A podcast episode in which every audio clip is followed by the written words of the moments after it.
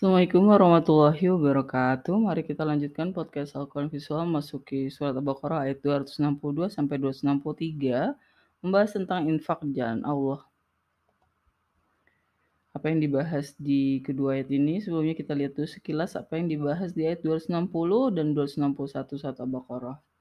Kita tahu ayat 260 dan ayat 261 tidak dalam bahasan yang sama, tapi ya saling berkaitan karena walaupun pembahasannya sedikit berbeda, tapi pasti ada korelasinya.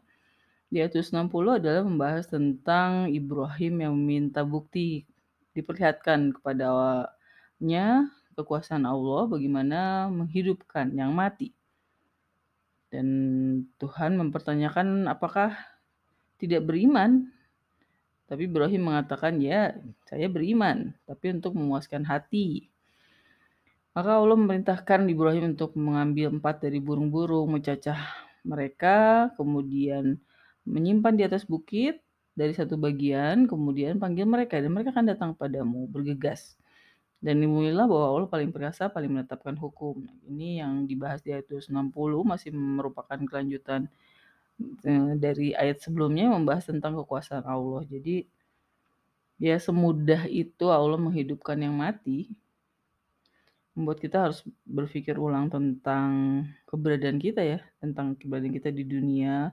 Yang selalu berpikir bahwa kematian itu adalah akhir dari semua hal. Makanya mengapa kita tren bunuh diri itu meningkat karena selalu merasa bahwa setelah kematian ya tidak ada lagi kehidupan. Ternyata Allah begitu mudah menghidupkan yang mati sekejap saja, walaupun dalam keadaan hancur berderai-derai. Lalu di ayat 261-nya, Allah menyambung dengan permisalan orang-orang yang menginfakkan harta mereka dalam jalan Allah, semisal benih yang tumbuh tujuh bulir dalam setiap bulir seratus benih, dan Allah memberi berganda bagi orang yang dia kendaki, dan Allah paling luas paling mengilmui. Jadi itu yang dibahas di ayat 261 tentang permisalan orang-orang yang berinfak di jalan Allah. Lalu apa yang dibahas di kedua ayat ini kita bacakan dulu surat Al-Baqarah ayat 262 dan 263. A'udzu billahi minasyaitonir rajim.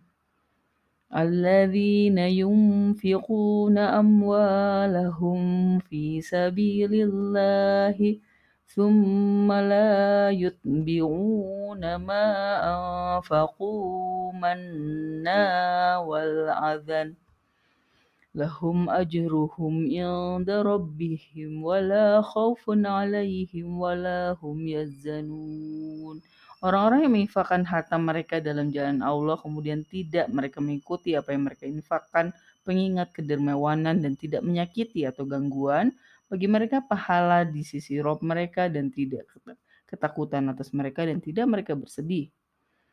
Kita bacakan ayat Al-Baqarah ayat 263. Qawlum ma'rufu wa maghfiratun khairum min sadaqati yatba'uha adhan. Allahu ghaniyun halim. Satu kata ma'ruf dan pengampunan terbaik dari sodokoh yang diikuti gangguan. Dan Allah paling kaya, paling pemurah. Itu yang dibahas di kedua ayat ini. Kita lihat lebih detail pembahasan ayat 262 dan 263 surat Al-Baqarah melalui frasa-frasa dan kata-kata yang telah muncul agar pemahaman kita lebih mendalam. Frasa yang pernah muncul sebelumnya adalah alladzina yang yunfiquna amwalahum fi sabilillah. Frasa ini sebelumnya terdapat di ayat 261, jadi ayat ini lanjutan dari ayat sebelumnya. Pada ayat sebelumnya membahas pemisalan, sedangkan pada ayat ini membahas sikap yang semestinya ditegakkan mereka yang berinfak. Jadi masih nyambung ya, karena frasanya juga masih sama percis, yaitu suatu frasa yang sangat panjang. Nah, apa yang dibahas di ayat ini tentu tidak sama dengan ayat sebelumnya. Pada ayat ini dikaitkan dengan yutbi'una. Kata ini baru muncul dalam bentukan ini pada ayat ini diartikan mengikut di, mengikuti. Dikaitkan dengan sikap pengingat kedermawanan dan menyakiti setelah memberikan infak. Mengapa ini menjadi penting? Karena pada dasarnya berinfak sendiri mungkin adalah sesuatu hal yang menarik ya. Kalau kita lihat permisalan sebelumnya gitu, bahwa Allah akan memberikan 700 kali gitu balasannya. Tapi manusia itu punya satu karakter yang kadang-kadang merusak amal-amalannya sendiri. Nah, seperti di ayat ini bahwa dia berinfak tapi diikuti dengan sikap pengingat kedermawanan, kedermawanan dan menyakiti. Jadi mengungkit-ungkit pemberian dan juga merendahkan yang yang diberi yang diberikan infak ya, yang diinfakkan. Yang diinfakinya maksudnya begitu. Jadi ini adalah suatu karakter manusia yang buruk. Dan lucunya, lucunya Allah menyoroti masalah ini gitu. Sesuatu yang sebetulnya apa urusannya ya? Apa urusannya? Tapi kita juga sadar bahwa kita pun misalnya dalam posisi meminta, kalau kita butuh sama seseorang, tentu tidak suka jika diperlakukan seperti itu. Tapi karena kita merasa bahwa ya nggak apa-apa kan kita posisinya meminta. Jadi kalau kita meminta direndahkan orang, disuruh-suruh oh, setelah dia memberikan kepada kita sesuatu, ya kita ngerasa ya nggak ada masalah, namanya juga orang yang butuh gitu kan. Tapi ternyata itu dilarang. Jadi Allah membela orang-orang yang lemah dengan cara melarang orang-orang yang lebih secara harta ketika memberikan infak dengan bersikap seperti itu. Ini sangat menarik gitu. Saya pikir ini sangat lebih di atas apa ya sebuah sikap yang lebih, dikatakanlah manusiawi ya suatu sikap ahlak yang yang luar biasa yang saya pikir dengan dengan pernyataan-pernyataan seperti ini justru agama itu terasa begitu ya karena Allah sangat mengenal kita gitu sangat tepat sasaran Lalu kata mana? Kata ini dimaknai pengingat kedermawanan. Sebelumnya muncul di ayat 57 merujuk pada mana makanan yang diturunkan Allah dari langit untuk Bani Israel yang diartikan sejenis madu. Nah, kenapa digunakan kata mana? Yang kita tahu ini mana dan salwa yang sebelumnya kita pernah bahas. Ya, kita harus belajar lebih lanjut. Tapi intinya memang mana yang menurut para mufasir adalah sejenis madu, ya mungkin adalah sebuah kedermawanan, sebuah kemurahan Allah pada Bani Israel gitu kan. Makanya disebut mana. Ya, untuk bisa meneguh, meneguhkan kesimpulan itu ya kita harus mempelajari lebih lanjut. Lalu kata selanjutnya adalah adzan. Kata ini dimaknai gangguan tapi tidak dijelaskan gangguannya dalam bentuk apa. Kata ini sebenarnya terdapat di ayat 199 dan 222 merujuk pada gangguan di kepala saat beribadah haji dan pada haid. Jadi gangguan di sini bentuknya apa? Kalau sebelumnya kan gangguannya dalam bentuk sakit ya, eh, sakit atau sesuatu yang berhubungan dengan fisik gitu. Nah, apa ini berarti misalnya gitu orang memberi tapi juga dicambuk misalnya atau diperlakukan buruk dalam konteks yang berkaitan dengan fisik. Nah, ini harus dipelajari lebih lanjut ya. Lalu frasa selanjutnya adalah hum ajruhum inda rabbihim wala khaufun alaihim wala hum yahzanun. Frasa ini sebelumnya terdapat di ayat 112 merujuk kepada frasa ya dari orang menundukkan misalkan wajahnya kepada Allah dan dia orang yang berbuat baik sebagai balasan dari pernyataan Bani Israel bahwa tidak ada yang masuk surga kecuali Yahudi dan Nasrani. Selain itu juga terdapat di ayat 62 merujuk pada mereka beriman dan beramal soleh. Jadi kita bisa menyimpulkan bahwa berinfak di Allah dan tidak mengikuti apa yang diinfakkan dengan pengikat kedermawanan dan gangguan dikategorikan beriman dan beramal soleh atau mengislamkan wajah bagi Allah dan berbuat baik. Definisi keduanya tidak sesederhana yang kita pikirkan. Jadi maksudnya adalah kita tahu ya frasa ini sebelumnya dikaitkan dengan amal soleh, beriman dan amal soleh. Dan yang kedua adalah dengan um, mengislamkan wajah dan berbuat kebaikan. Nah, tapi baru di ayat 262 ini dikaitkan dengan suatu perbuatan yang spesifik, yaitu berinfak. Berinfak dengan tidak tidak um, mengikutinya dengan bukan pengingat kedermawanan ataupun gangguan. Nah, jadi perbuatannya spesifik, sedangkan sebelumnya perbuatannya lebih global. Nah, mengapa digunakan frasa yang sama? Ya karena pada dasarnya memang, eee, suatu amalan ini ya sebetulnya ini kan masih bagian dari amal sholih juga, iman dan amal sholih ya, infak itu juga termasuk bagian dari mengislamkan wajah dan berbuat kebaikan. Tapi dilebut lebih spesifik aja gitu. Jadi intinya keimanan itu dan amal sholih adalah suatu hal yang, eee, diridhoi Allah, tapi juga diridhoi manusia. Dalam contohnya di sini adalah seperti yang disebutkan tadi di ayat 262. Kita lanjutkan ke ayat 263-nya. Mmm, frasa pertama adalah qaulun ma'rufun. Frasa ini sebenarnya terdapat di ayat 235 merujuk pada tata cara menyampaikan maksud hati kepada wanita yang masih dalam masa iddah. Ayat ini menyambung dengan tata cara berinfak di ayat 262, tapi pada ayat ini lebih kepada cara menolak yang baik. Jadi kalaupun memang menolak, maka tetap dikatakannya adalah perkataan yang baik. Perkataan yang baik itu bukan perkataan yang ya maksudnya bukan basa-basi basi gitu ya.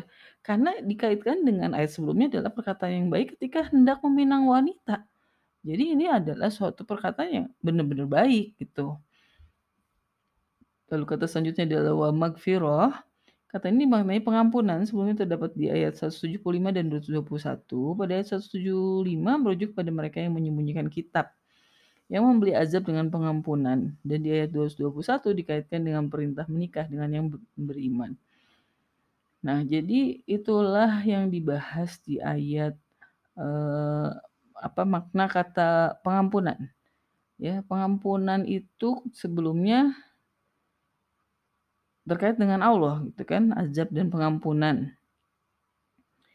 Nah, terus dikaitkan dengan perintah menikah adalah karena orang yang beriman akan membawa kepada pengampunan Allah gitu ya. Nah, sedangkan maksudnya kata pengampunan di sini tentunya adalah pengampunan berkaitan dengan um, orang yang meminta. Karena disebutnya dan pengampunan. Nah, apa maksudnya pengampunan di sini? Apakah maksudnya adalah kita memaafkan perbuatan orang yang minta-minta itu? Gitu karena jadi ya kita menolak tapi memaafkan gitu. Nah, seperti apa ya harus dipelajari lebih lanjut ya.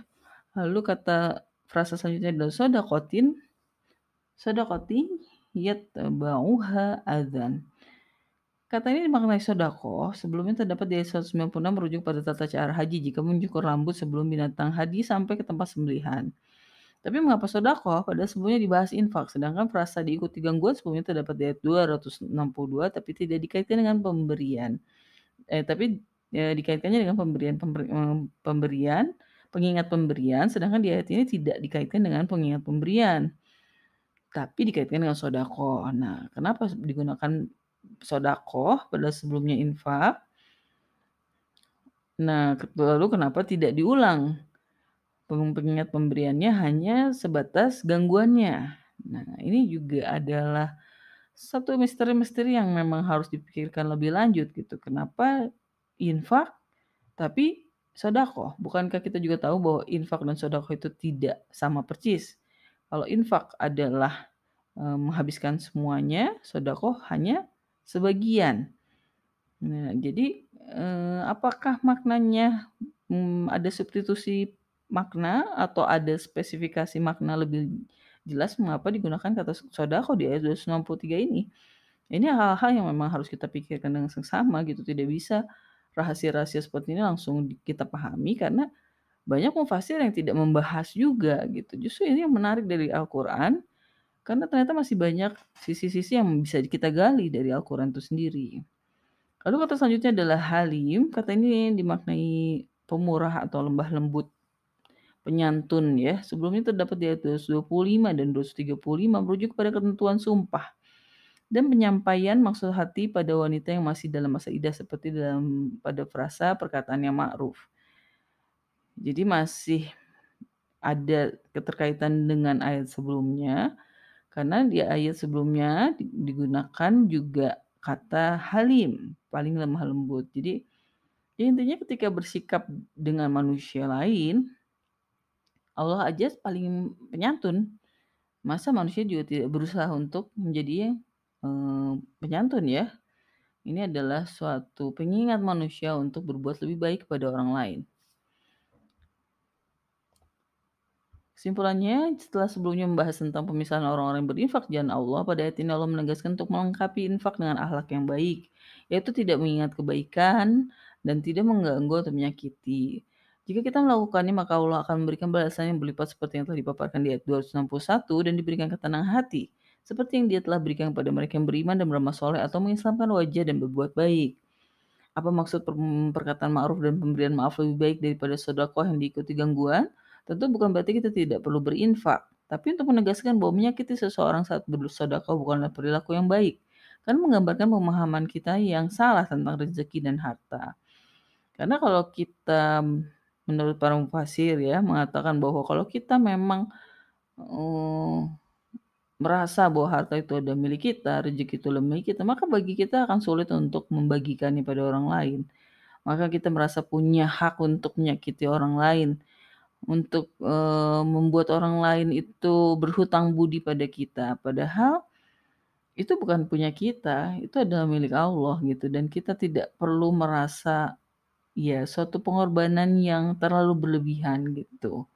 Nah ini yang masih kita sulit pahami ya bahwa rezeki itu adalah Allah yang memiliki, harta itu adalah milik Allah gitu dan kalau berada di tangan kita maka itu adalah kewajiban kita untuk memberikan pada orang-orang sekitar kita. Nah, konsep rezeki dan konsep harta dalam Islam juga menarik untuk dipelajari lebih lanjut karena dalam Islam memang hmm, karena Allah mengatur rezeki, maka manusia fungsinya adalah menjalankan muamalah satu sama lain saling membantu gitu. Karena memang tidak semua manusia diberikan rezeki yang sama.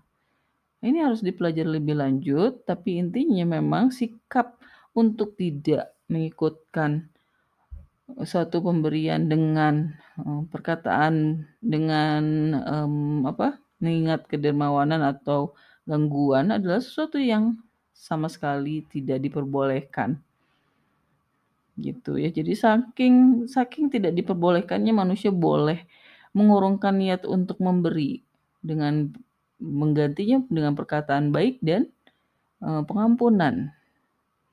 Karena memang ya ini adalah suatu sikap yang sangat tidak diperbolehkan. Jadi kita harus merenungilah lebih lanjut dan banyak hal yang sebetulnya masih kita belum paham yang harus kita renungi lebih dalam apa kaitannya ayat ini dengan ayat sebelumnya kenapa setelah membahas tentang kekuasaan Allah membahas tentang infak gitu ya karena sebelumnya kan yang kata infak lebih dikaitkan ketika memerintahkan untuk perang gitu. Nah, itu masih masuk nyambung ya.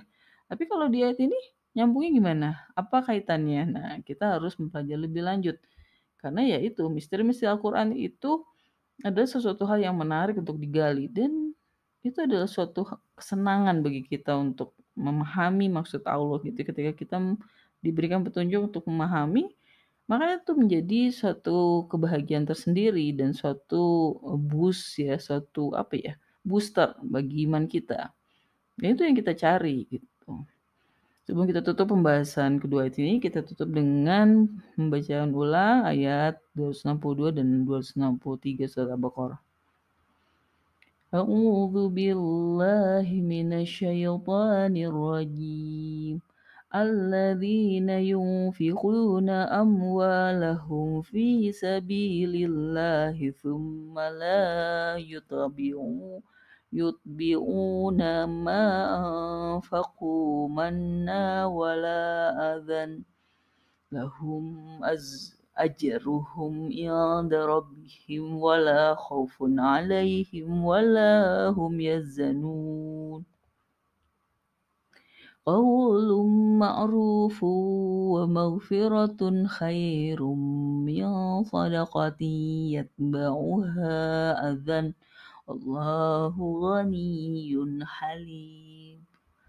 صدق الله العظيم. Assalamualaikum warahmatullahi wabarakatuh